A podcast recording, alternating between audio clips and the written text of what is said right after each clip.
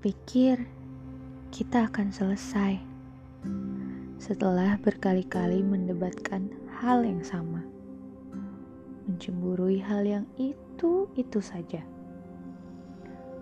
Kupikir saat itu kita akan selesai, tapi nyatanya kamu laki-laki ajaib yang reda dan meredakan tanpa kata selesai. Terima kasih telah menjadi ruang yang menenangkan, ruang melepas resah dan lelah,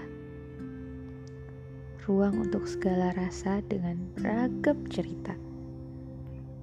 Tetaplah sama, meski musim selalu berganti. Aku yakin penantianku, penantianmu takkan jadi sekedar kata pernah. Akan ada tempat untuk kita di sana.